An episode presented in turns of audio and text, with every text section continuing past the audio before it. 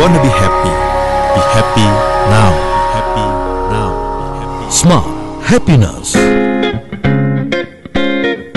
Smart Happiness bagaimana merubah mindset, menumbuhkan skill, dan menciptakan tools yang dibutuhkan untuk mencapai bahagia.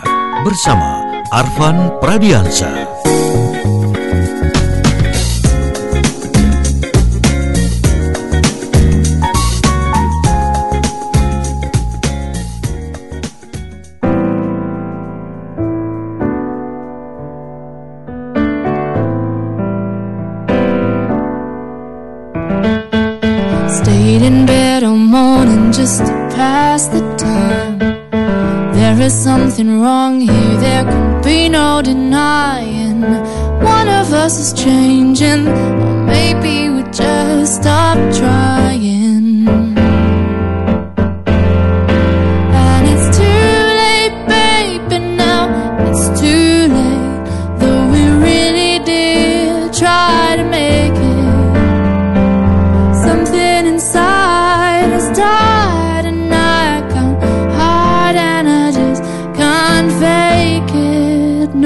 No,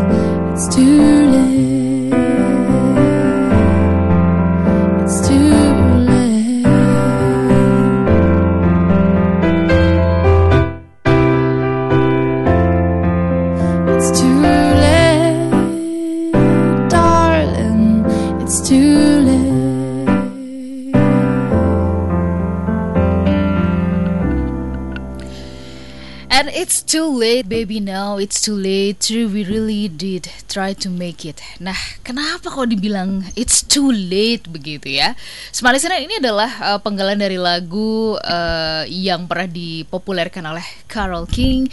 It's too late dan itu juga yang menjadi uh, judul ya dari uh, topik kita pagi. Too late. Apa yang terlambat? Em, untuk eh, kita sebut sebagai sesuatu yang it's too late.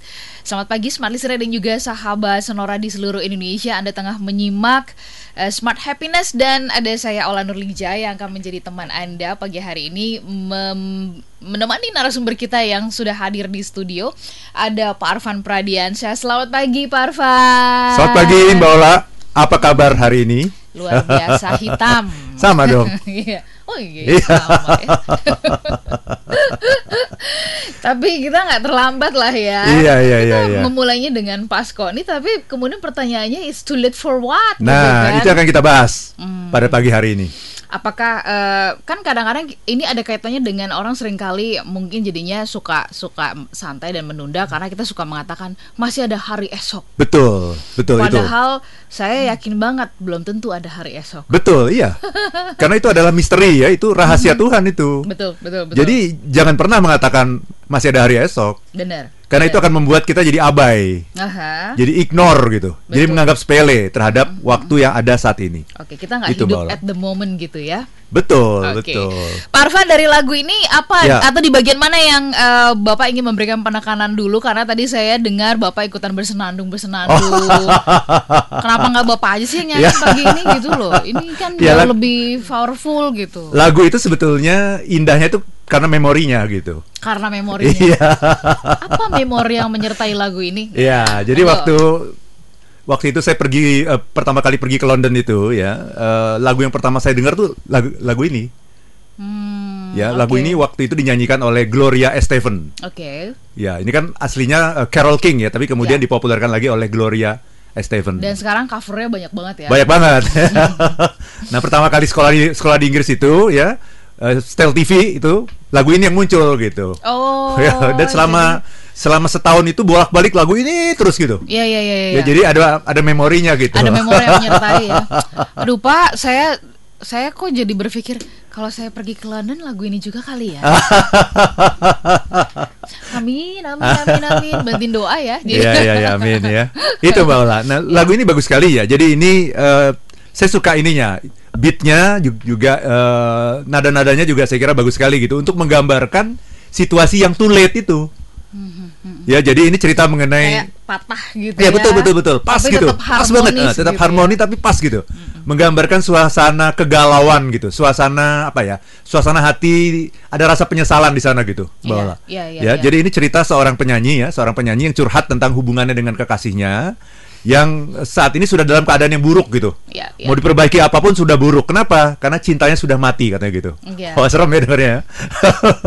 cintanya sudah mati dan dia udah berusaha nih gimana nih caranya untuk memperbaiki ini? Nggak bisa diperbaiki lagi.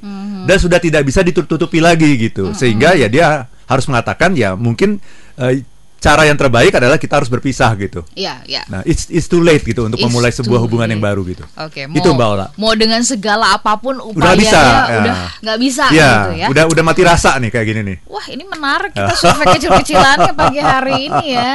Iya iya iya Saya juga ternyata pas ini pemikirannya gitu walaupun Pas ya? walaupun Bapak belum cerita ini sebenarnya it's too late for what gitu. Iya, iya. Tapi saya seperti ditarik gitu ya kepada Ah. sebuah memori oh juga pernah mengalami juga ya yang saya mengatakan it's too late. Ah, iya iya iya Gitu iya. kan. Yang yang menarik adalah bagi orang yang mengalaminya, ya, istulet itu sangat sangat apa menyesakkan gitu. Sangat membuat kita itu merasa sangat menyesal, penyesalan yang tak berujung. Tapi bagi orang yang melihat Oke. itu seneng, seneng kadang-kadang gitu ya, me- menyaksikan orang itu baru sadar dia itu bahwa ini udah terlambat gitu. Mm, mm, mm. Jadi ketika bagi orang yang mengalaminya itu dia memberikan penyesalan yang tak berujung, tapi bagi orang yang melihat atau yang yang menjadi korban orang ini Mhm. itu sering kali menyatakan dengan sangat gembira gitu, it's too late for you gitu. Oke. Itu Mbak Oke, smart listener sebelum eh, kita lebih jauh eh, berbincang pagi hari ini ya, kita coba survei kecil-kecilan ya. Oke, ada yang bertanya tadi, eh, ini lagunya apa tadi? Iya betul, eh, saya baru menyalakan live Instagram kami setelah lagunya selesai. Minta maaf ya. Eh, lagunya berjudul It's Too Late from Carol King. Silahkan sambil nanti kita berbincang-bincang, Anda dengerin dulu supaya nanti bisa dapat ambience-nya It's Too Late for What gitu. Tapi pertanyaannya gini pagi hari ini ya, ada nggak sih di dalam eh, pengalaman hidup Anda, apa pun itu urusan pekerjaan, urusan cinta, untuk urusan apa pun gitu ya, yang Anda merasa bahwa akhirnya, akhirnya gitu ya, Anda mengatakan bahwa it's too late. Iya. Sudah terlalu terlambat, Iya. terlambat menyadari, terlambat kemudian melakukan sesuatu, Betul. terlambat mengambil keputusan, atau terlambat apa ya? Anda silakan boleh sampaikan, jangan bilang terlambat masuk kerja ya. Kalau itu kita sering banget ya. Apa di dalam kehidupan Anda yang Anda merasa too late dan sampai sekarang rasanya eh, itu benar-benar menyesakan eh, dada Anda, Eh, nggak tahu lagi mau bilang apanya. Iya. Penyesalan tak berujung. Iya. Harusnya nanti di part ketiga tuh kita nyalain lagu itu tuh, Iya. penyesalan tak berujung. Ujung ya. Oke, silakan smart listener Anda boleh pergunakan line SMS dan juga WhatsApp kami di 0812 11 12 059 sambil Anda juga share ya bagaimana cuaca dan kemudian cara Anda mendengarkan program kami pagi hari ini. Apakah Anda menyimak kami melalui streaming ya FM radio atau Anda menyimak kami melalui YouTube channel Smart FM. YouTube channel Smart FM-nya aktif ya. Silahkan Anda boleh eh, apa sampaikan itu ya. Sebutkan nama, kota, kemudian usia dan penyesalan apa ya eh, atau hal apa di dalam hidup Anda yang Anda merasa it's too late. Oke? Silakan sekali lagi Anda boleh sharing ke 0812 11 12 959 kami jadi sesaat. Smart Happiness.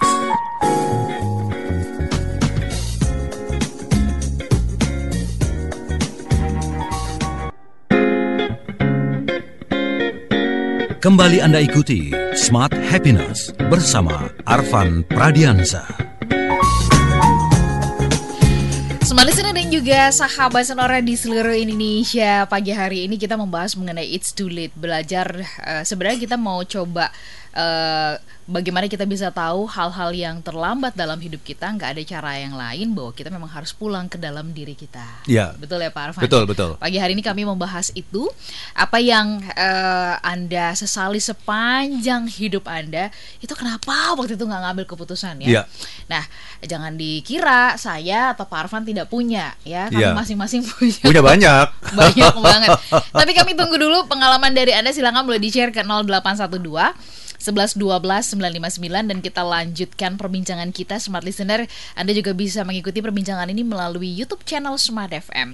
Dan eh, saya sekarang mau tanya kepada Pak Arfan. Pak Iya. Arfan, kenapa sih atau eh, apa pentingnya boleh dibilang begitu ya kita membahas mengenai pelajaran it's too late ini gitu. Iya. Apa supaya kemudian kita tidak mengulangi kesalahan lagi? Iya. Begitukah atau seperti apa? Silakan Ya, Pak. very good question, Mbak Ola. Ya, eh, semalam dalam rangka mempersiapkan talk show ini juga saya kan tuliskan tuh apa sih yang ya, saya sampai mengatakan is too late. Ternyata ada banyak gitu. Lebih dari 10. Saya apalagi? ya, lebih dari 10 ya. Dan itu kan menghasilkan perasaan penyesalan tak berujung. Banget. Bahkan itu udah berlalu sekian tahun pun kita masih ingat terus gitu. Banget. Itulah yang namanya penyesalan tak berujung. Betul. Nah, situasi seperti ini harus dihentikan. Karena kita sudah punya pengalaman kan betapa sakitnya ketika kita melewatkan sesuatu Yes. yang sangat berharga dalam hidup kita. Betul. Dan pada saat itu kita nggak tahu bahwa itu berharga, itu masalahnya. Hmm. Jadi gini, kalau kita tidak mencapai sesuatu yang berharga, itu masih lumayan. Hmm. Kita tidak mencapai sesuatu yang berharga, itu lumayan. Hmm. Yang menyesakkan itu adalah kita sudah mendapatkan itu, tapi kita nggak lihat. Ya, betul. Bener nggak? Udah ada itu di depan mata gitu. Kita nggak lihat gitu. Yes, yes. Kalau kita udah mengejar tapi nggak dapat, ya sudah gitu. Itu hasilnya kesedihan. Tapi yang namanya kesedihan itu hilang dalam hitungan waktu, Mbak Ola. Hmm, Bahkan kita kehilangan orang yang kita cintai saja itu mengalami kesedihan, masa duka cita, itu akan hilang dalam hitungan waktu gitu. Tetapi kalau yang seperti ini itu udah ada di depan mata tapi kita nggak ngelihat, kita mengabaikan gitu, ignore, abai gitu ya. Itu menghasilkan penyesalan gitu. Nah, bedanya kesedihan sama penyesalan adalah penyesalan itu eh sulit hilang. Hmm, Kenapa? Karena bedanya adalah pada satu kata, responsibility. hmm, Orang yang menyesal itu dia menyesal karena sebetulnya dia bisa melakukan sesuatu, itu ada di tangan dia, ada responsibility. Orang yang sedih itu karena itu di luar kekuasaan dia gitu. Itu uncontrollable. Kalau menyesal itu karena itu sesuatu yang controllable. Betul betul. Itu, Seharusnya Ola. bisa mengambil keputusan itu begitu ya, tetapi kemudian kok eh tetapi kemudian kok tidak ini ya, tidak tidak, Tidak melakukan dilakukan. seharusnya yang, yang seharusnya dilakukan gitu. Ya, ya, ya, ya, Nah, ya. dalam konteks ini ya there are only two times in life. Hanya ada dua hal, hanya ada dua waktu dalam kehidupan ini, Mbak Ola. Ini harus disadari nih. Hanya ada dua waktu dalam kehidupan ini. Yang pertama adalah now, Mhm, sekarang, dan yang kedua adalah mhm. too late. Too late. Itu aja. Now or too late. Hmm, Sehingga kalau kita menyadari ini bahwa hidup kita itu hanya ada dua, now and too late, maka kita tidak akan pernah mengatakan ini. Ini ini kata-kata yang ber ber apa? Kayak pisau bermata dua gitu. Betul, Ketika kita betul. mengatakan masih ada waktu. Hmm, Maybe next time. maybe next time. And next time itu boleh berarti ti- nggak ada lagi karena next time itu adalah rahasia Allah gitu. betul, betul.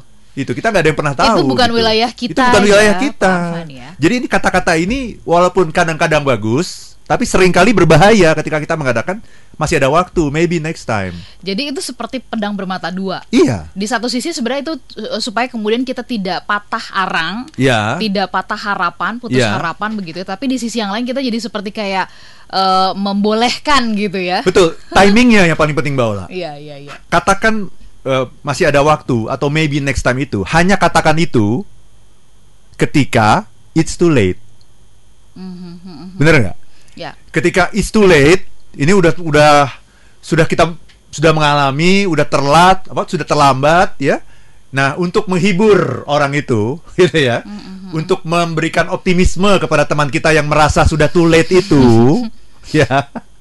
Which is ini sudah terlambat gitu, tapi untuk memberikan optimisme, menghibur, memberikan semangat, membangkitkan harga diri gitu, bolehlah kita katakan masih ada waktu. Ya. Maybe next time. Next time dicoba lagi, boleh. Tetapi yang bahaya adalah ketika belum apa-apa kita mengambil justifikasi untuk tidak melakukan sesuatu dengan mengatakan next time masih ada waktu. Oke. Itu bahaya. Jadi kalau itu ditaruh di akhir ketika it's too late, orang sudah merasa terlambat, udah putus asa, kasih harapan dengan itu boleh. Mhm, Tapi jangan pernah mengatakan itu di awal.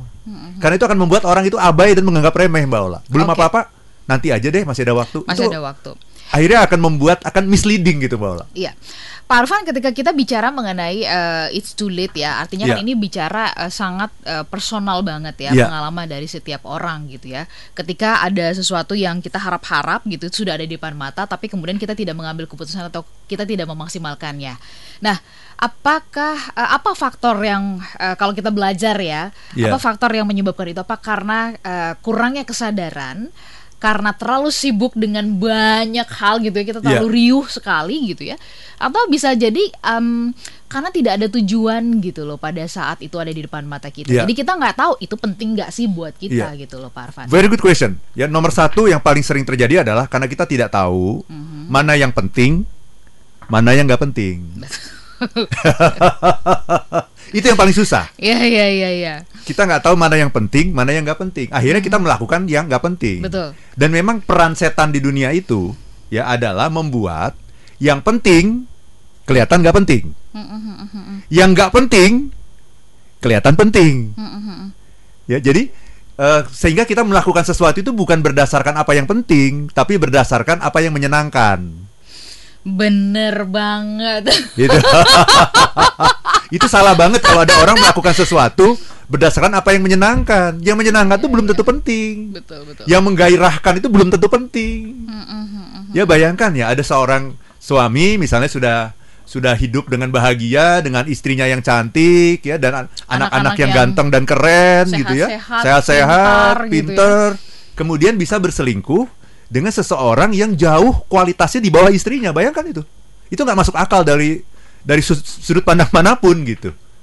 Hmm. Itu. Kenapa? Ya setan selalu membisikkan kepada kita bahwa oh ini situasinya harus eh, dinamis, harus berbeda, bosan dengan situasi yang rutin, butuh adrenalin butuh ya. adrenalin, ya gitu kan? Butuh hiburan, butuh suasana yang berbeda. Itu kan meng- meng- membuat kita jadi abai gitu. Kita jadi rancu. Mana nih yang penting, mana yang nggak penting. Akhirnya kita melakukan yang nggak penting. Iya, iya. Setan memberikan penawaran yang abu-abu sekali ya. Betul. Tapi yang itu terlihatnya lebih indah dari Lebih yang indah sekarang gitu, kita iya. miliki. Padahal ya. secara mata, secara kasat mata saja gitu. Kenapa ya? Banyak sekali loh orang yang yang punya istri yang eh, cukup berkelas gitu ya, kemudian selingkuh sama yang jauh di bawah itu. Gitu ya dan it would it would be too late gitu. Ya dan anehnya juga tidak memberikan pembelajaran bagi orang lain juga gitu. Iya, iya, iya, Ya. iya. Nah, itu kan salah satunya faktor setan, tapi kita nggak nggak boleh menyalahkan setan juga kan. Ya, emang itu tugasnya dia Memang sih. itu KPI-nya dia itu. KPI-nya dia itu. yang job desk-nya itu ya gimana dan Justru kalau dia menakut-nakuti Itu sebenarnya itu bukan job desk itu dia itu. menyalahi menyalahi fitrahnya dia kan gitu. Iya iya. Iya, dan jangan jangan lupa setan tidak pernah memaksa, bener nggak? Iya bener. Iya. Enggak lah, aku nggak maksa loh. Iya. Tapi ini enak. Iya. Namanya juga orang sales itu. Setan Iya, itu iya. orang sales itu. Bener ya kita Iya. kalau mau belajar bagaimana Jualan. jualan dan Ya, belajarlah. dan memenangkan customer Iya, ya. itu belajarlah dari setan. iya, iya. Ya juga ya. Kapan dia dia buka kelas ya? Iya. Kelas online juga boleh deh kita ikut Kelas deh. online deh. Wow, ya juga ya ya benar-benar. Itu Mbak Ola. Mm-mm. Itu. Jadi kita tidak tahu mana yang penting, mana yang nggak penting. Akhirnya kita mengikuti sesuatu yang kelihatannya menarik, kelihatannya menggairahkan gitu. Kelihatannya sangat colorful, berwarna. Ya mem- membuat kita jadi bergairah. Nah, itu sesungguhnya yang akhirnya membuat kita menyesal. Betul. Tapi itu hanya salah satunya Mbak Ola. Masih banyak yang yang lainnya yang membuat yang membuat kita mengatakan it's too late gitu. Satu aja udah nyesek ya, Iya, apalagi, apalagi dibukain yang lainnya ya. Iya, iya, iya, Oke, iya. baik sambil menantikan yang eh, berikutnya begitu dibukakan oleh Pak Arfan begitu ya, smart listener. eh, saya pribadi bukan tidak pernah eh, melakukan sesuatu yang saya bilang tuh benar-benar it's too late banget sih. Nah, bagaimana dengan anda? Nanti kita berbagi ya. Kalau saya it's too late for what gitu ya. Tapi kalau anda sendiri em, merasa menyesal tuh karena tidak melakukan apa sih atau karena melakukan apa silakan anda boleh share ke 0812 11 12 959 sekali lagi ke 0812 11 12 959 dan anda juga sedang menyimak YouTube channel Smart FM saya harus mengucapkan terima kasih banyak kepada anda semuanya karena dua tayangan Smart Happiness ya baik yang eh, apa tentang passion ya Eh, tentang eh, eh, kebosanan. kebosanan dan kemudian eh, tujuan Satu lagi hidup adalah what is your purpose in Ya, life. What is your purpose in life? Ya. Itu eh, sampai dengan minggu kemarin itu adalah dua video tertinggi di Tertinggi. YouTube kami. Yeay, ada lima ya.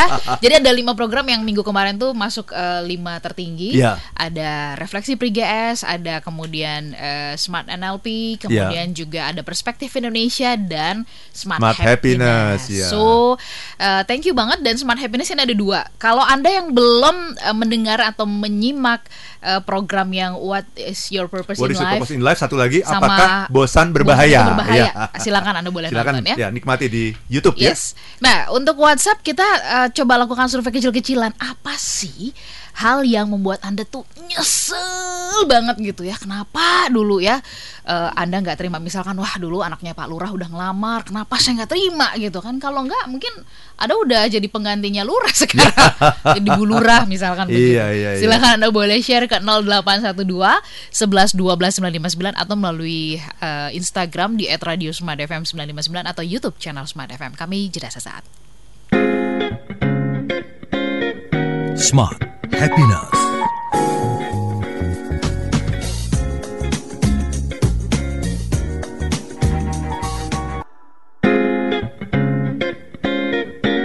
Kembali Anda ikuti Smart Happiness bersama Arvan Pradiansa. Smart listener dan juga sahabat yang bergabung Anda tengah menyimak Smart Happiness. Saya mau menyapa Anda dulu satu persatu ya. Absen nih Saya mau menyapa Anda mulai dari Makassar, Manado, Banjarmasin, Balikpapan Pekanbaru, Palembang, Medan Terus kemudian juga eh, Yogyakarta, Surabaya, Jakarta, Depok, eh, Serpong, Tangerang, Bogor ya. Kemudian Bekasi. Selamat pagi untuk Anda semuanya. Selamat bergabung bersama-sama dengan kami dalam Smart Happiness. Saya beralih ke Semarang, Purwokerto, Solo, Cirebon, kemudian Bandung, kemudian saya pindah ke Lampung, ke Bali ya, kemudian Pontianak, kemudian ke Bangka, Bangka Belitung. Selamat pagi untuk Anda semuanya, Padang, Aceh ya. Lalu kemudian ada Palangkaraya, Samarinda dan juga Gorontalo serta kota-kota lain di mana Anda sedang menyimak perbincangan kami pagi hari ini. Bahkan Anda yang ada di luar negeri ya, Ya. selamat siang mungkin ya atau selamat, Selamat malam. malam mungkin ya. mau Kalau Eropa istirahat malam, ya. ya. Terima kasih Anda telah menyimak perbincangan kami dan eh, pagi hari ini kita membahas mengenai It's Too Late. Nah, supaya Anda bisa kebayang apa sih yang eh, menjadi gambaran dari It's Too Late? Coba yang belum eh, mendengarkan lagu It's Too Late eh, dari Carol King, covernya banyak banget silakan Anda coba dengarkan ya. Supaya Anda bisa ngerasain tuh Betul, ambience ambience-nya terasa gitu ya. terlambatnya makanya itu kayaknya lagunya sebenarnya harmonis tapi ada Iya. staccato staccatonya gitu. Nah Pak Arfan kita ke Bantul ya. Iya. Ada Pak Joko di sana menyesal banget sangat terlambat berwirausaha saat umur 38 baru sadar gitu ya. Iya. Mestinya umur 30 lebih cepat belajar, lebih cepat eh, ambil jatah gagal. Cuaca cerahnya eh, cuaca cerah, adem gitu ya. Suaranya Pak Arfan Baola sangat jernih. Terima Oke, kasih. terima kasih. Ya, Pak Joko. Kalau gitu eh, nanti kalau yang kayak gini tuh kalau udah eh, terlambat terus sekarang kita masih hidup terus kita ngapain? Kita Ya. lakukan sesuatu nggak sih gitu misalnya Ya. gitu ya. Ya, siap. Nanti kita jawab ya. Ada Pak Erwin di Jakarta, terima kasih sudah bergabung. Ada Ibu Leli Wahyuniar. Saya suka merasa it's too late setelah berkonflik dengan sahabat, ya sahabat lama. Iya. Karena masalah yang sebetulnya bisa diselesaikan secara dialog baik-baik. Hmm, Mungkin ya, udah ya, ya, ya, udah ya. sempat banting pintu ya. Iya. Kita putus jadi sahabat Iya, iya, iya. gitu ya. Terus kemudian ada Ibu Wardah di Cibubur, selamat pagi.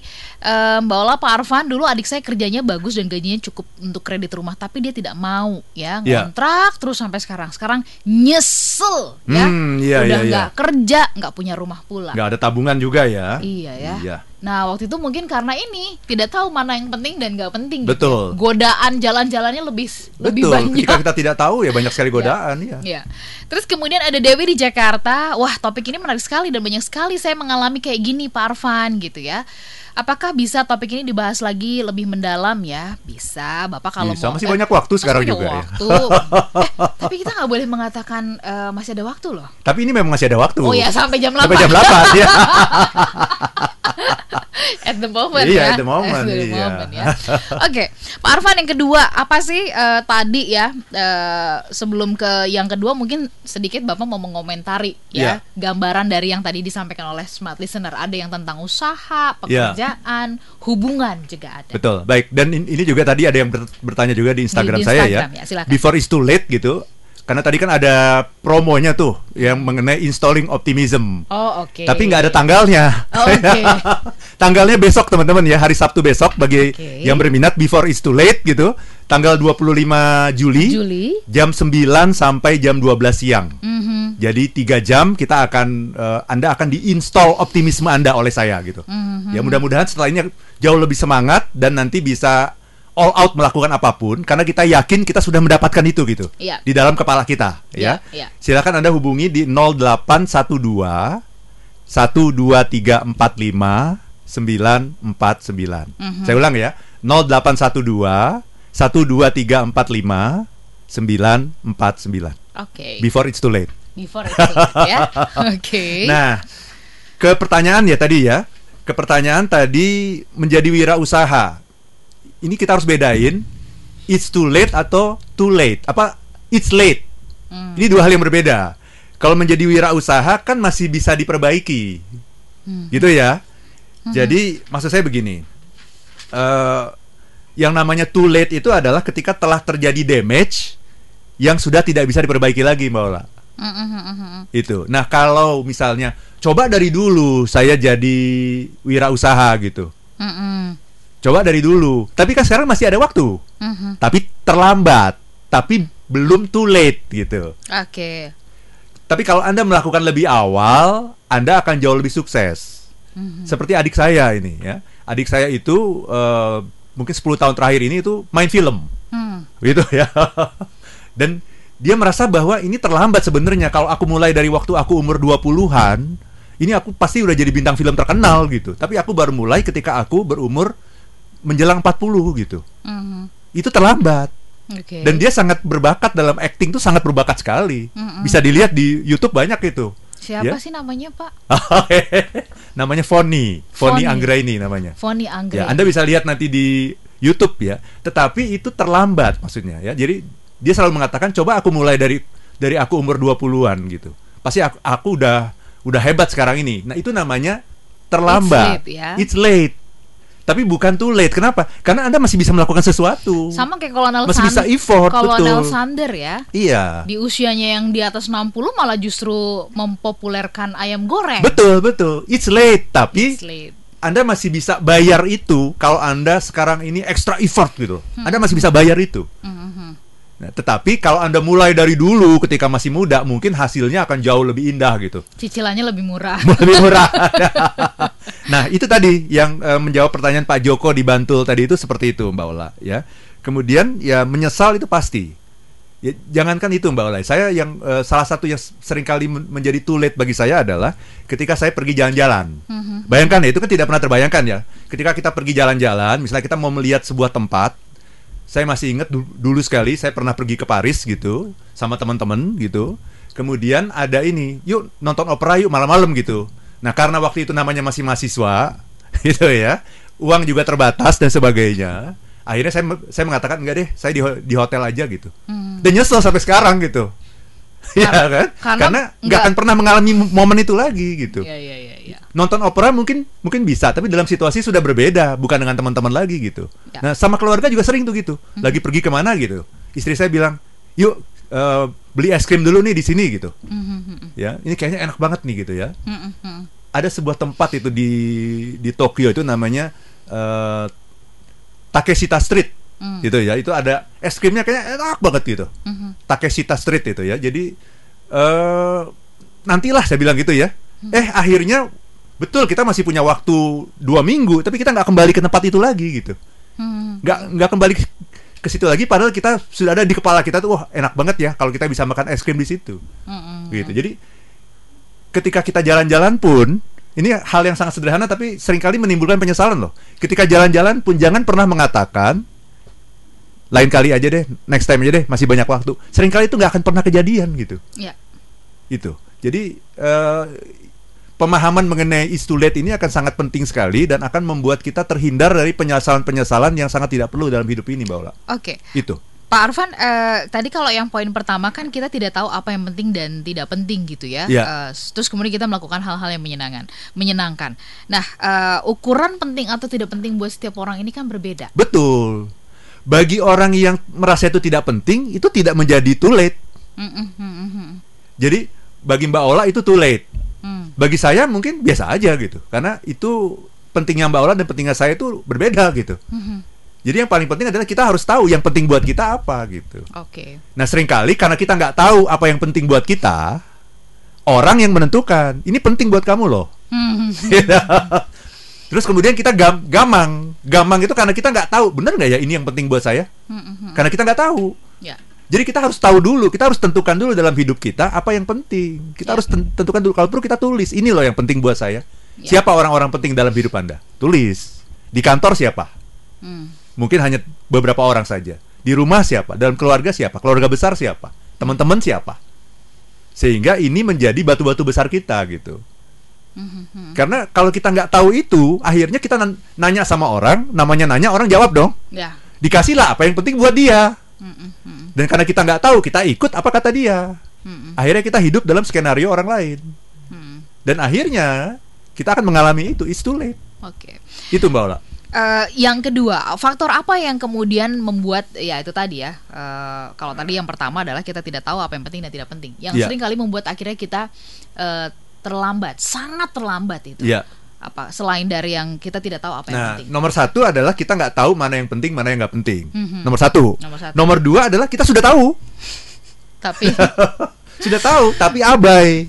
Mhm. Kita abai, kita udah tahu ini penting, tapi kan masih ada waktu, kan masih ada besok. Kita mau menengok orang yang sakit misalnya, ya mau nengok orang yang sakit, kemudian ah kayaknya males ya, aduh pulang kantor capek ya, aduh macet ya. Akhirnya apa? Besok.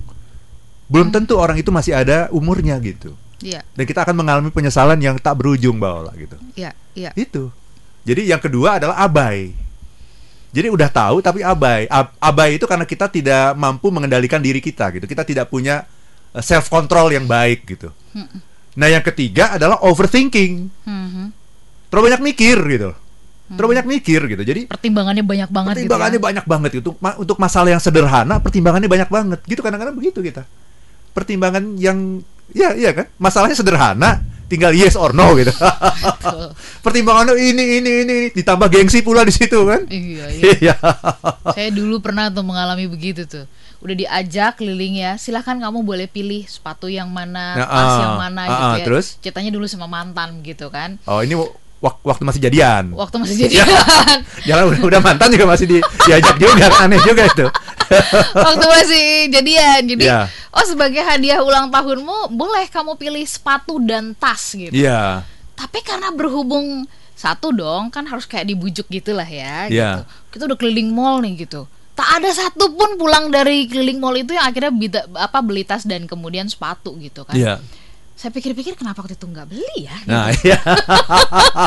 Kenapa mikirnya kepanjangan Iya, mikirnya terlalu sih? panjang, iya. Itu Hanya overthinking. untuk memilih sepatu dan tas. Iya, iya ya itu. Untuk Oh ma- masalah yang sangat sederhana, sangat simple, cuma yes or no, kita overthinking. Wow, Kelamaan mikir. Kelamaan mikir. Iya, hidup itu waktu itu kan bergerak. Iya benar. Gini, ketika kita mikir kita diam kan? Iya iya. Padahal yang namanya waktu itu Mhm, mhm. bergerak. Oke. Berarti kita melawan sunatullah gitu ketika kita overthinking. Mhm, mhm. Karena kita diam. Beda, bedakan thinking dengan overthinking. Oke. Kalau thinking itu kita masih bergerak.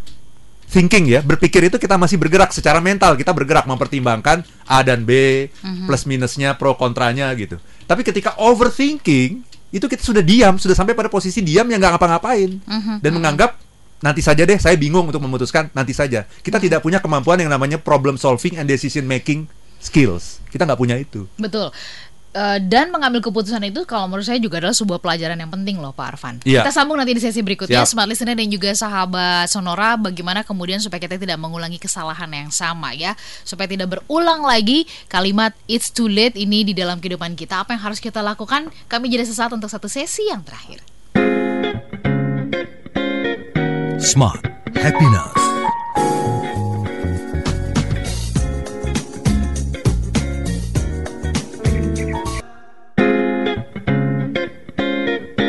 Kembali Anda ikuti Smart Happiness bersama Arvan Pradiansa.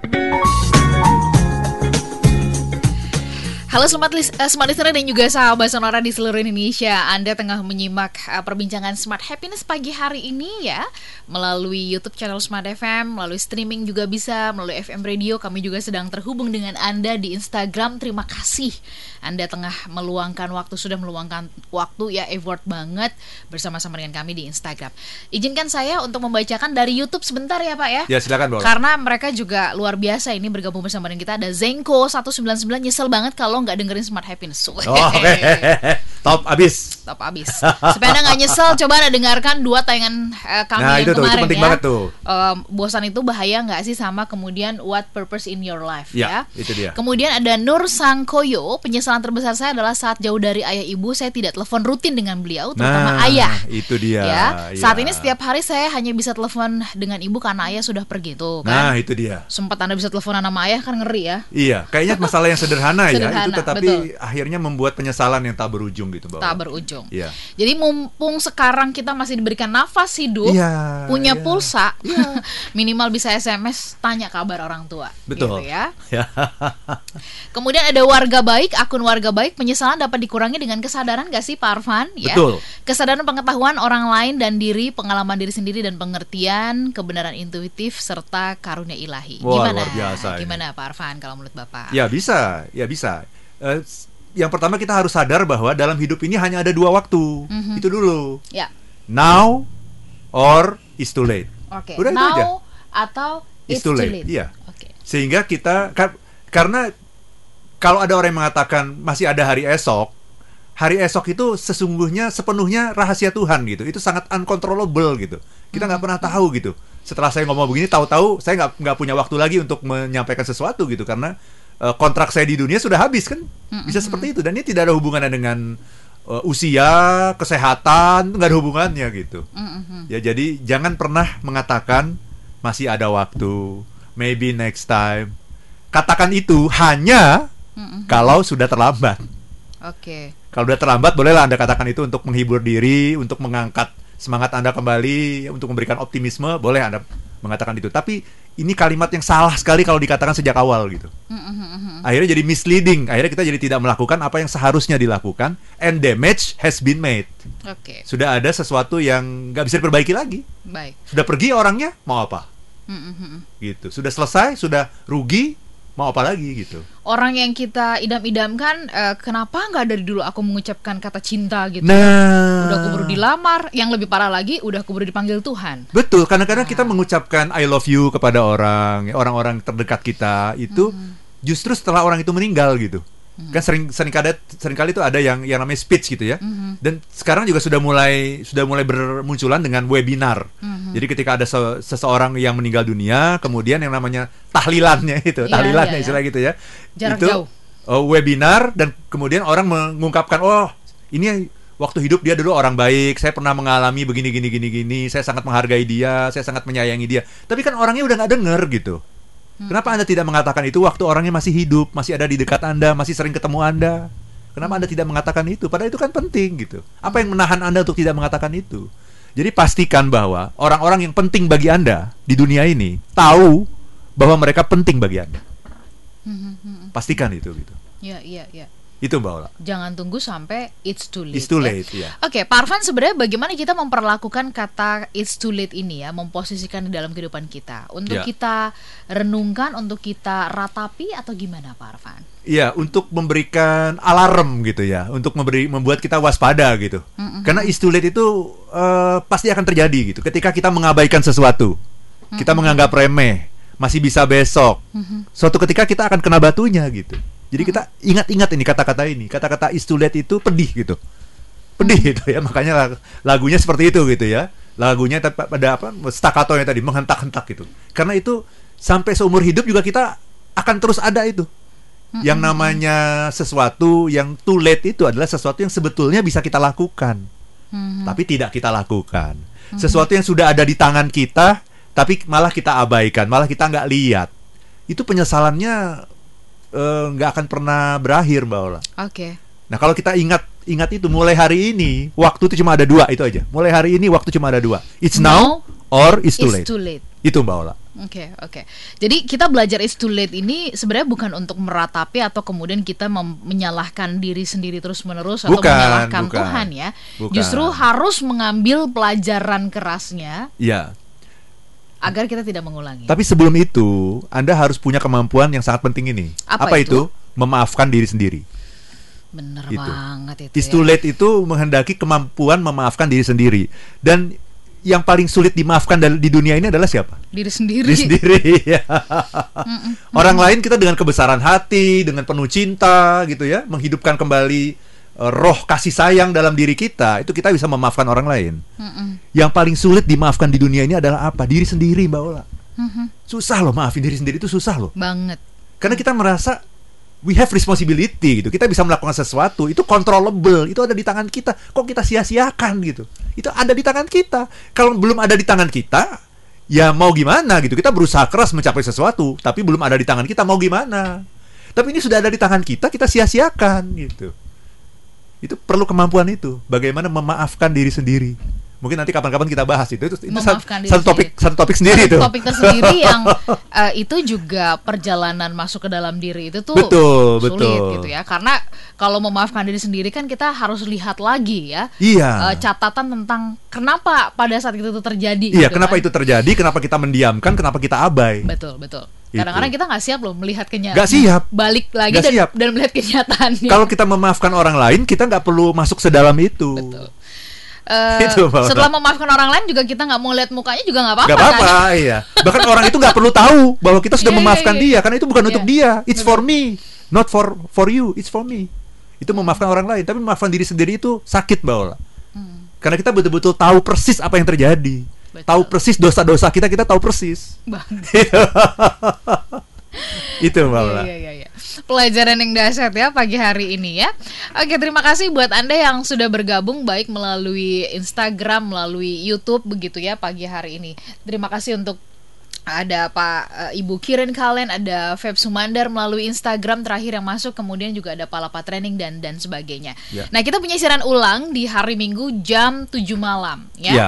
Dan eh, Anda juga bisa menyimak eh, semua program-program Smart Happiness melalui YouTube channel Smart FM. Sebelum kita tutup, saya butuh eh, apa namanya benang merah dari apa yang kita bahas pagi hari ini, Pak Arfan. Ya. Eh, Juli itu udah mau selesai dan kita akan segera eh, tak lama lagi akan ya mungkin semingguan semingguan lagi ya, Iya. memasuki bulan Agustus. Iya, betul. Nggak terasa Nggak ya. terasa, iya. Dari mulai Februari PSBB Iya. segala macem gitu. Ini udah mau Agustus. Udah mau Agustus, sebentar lagi tahu-tahu akhir tahun lagi. Akhir tahun. Nah, Iya. apa yang harus kita lakukan supaya kemudian tidak lagi kita melakukan yang namanya it's too late tadi. Ya, terima kasih Mbak Ola. Penyesalan terbesar dalam hidup bukanlah karena kita melakukan sesuatu, tetapi karena kita tidak melakukan sesuatu. Saya ulang ya, penyesalan terbesar dalam hidup bukanlah karena kita melakukan sesuatu dan salah, tapi karena kita tidak melakukan sesuatu. Kalau kita melakukan sesuatu dan salah, Hmm, tahu ini itu salah. kita tahu ini salah. Hmm, hmm, hmm. Kita dapat pengetahuan, kita dapat sebuah wisdom gitu. Tapi ketika kita tidak melakukan sesuatu, Mm-mm. itu kita tidak tahu apakah kita benar atau salah. Dan itu akan menjadi tanda tanya terbesar sampai akhir hidup kita. Ini benar apa salah ya kalau saya melakukan itu? Dan tidak ada lagi kesempatan untuk mengulang. Karena it's too late gitu. Nah, ini yang penting saya garis bawahi ini ya. Yang pertama, yang kedua adalah penyesalan terbesar dalam hidup juga bukanlah karena kita tidak mendapatkan apa yang kita inginkan. Bukan. Penyesalan terbesar dalam hidup terjadi karena kita tidak menghargai apa yang sudah kita miliki. Itu Mbak Ola. Oke, bukan karena tidak mendapatkan, tapi justru karena kita tidak menghargai. Apa yang sudah kita miliki. Mhm, Itu. Kalau tidak mendapatkan itu sedih. Mm-mm. Tapi sudah ada kita tidak lihat, kita tidak hargai, itu yang akan menyesal gitu. Oke, oke. Itu Mbak Ola. Dua hal ini kalau kita ingat itu akan menjadi eh, renungan kita untuk minggu ini, untuk weekend ini Mbak Ola. Oke. Smart listener, eh, pentingnya kita punya me time ya, eh, waktu untuk menyendiri ya, melambatkan waktu supaya hal-hal yang seperti ini bisa kemudian kita renungkan Betul. Mudah-mudahan- Dan memikirkan apa yang penting dalam hidup kita. dan memikirkan apa yang penting. Baiklah Pak Ya. Afan, terima kasih untuk pagi hari yang luar biasa Ya. ini. Kita pamit ya, smart listener dan juga sahabat Sonora. Sehat-sehat untuk Anda semuanya, tetap eh, jaga jarak, eh, kemudian juga eh, physical distancing ya, kemudian pakai masker, lalu kemudian selalu cuci tangan ya. Kalau kita terus melakukan protokol kesehatan ini dengan disiplin, mudah-mudahan eh, COVID ini segera bisa berlalu dan kita atasi bersama-sama ya. Amin. Kami pamit, saya Lanur Lija. Dan saya Arfan Pradiansyah. If, If you you wanna be be happy, happy, be happy now. Demikian Smart Happiness bersama Arvan Pradiansa, penulis buku bestseller Life is Beautiful dan The Seven Laws of Happiness.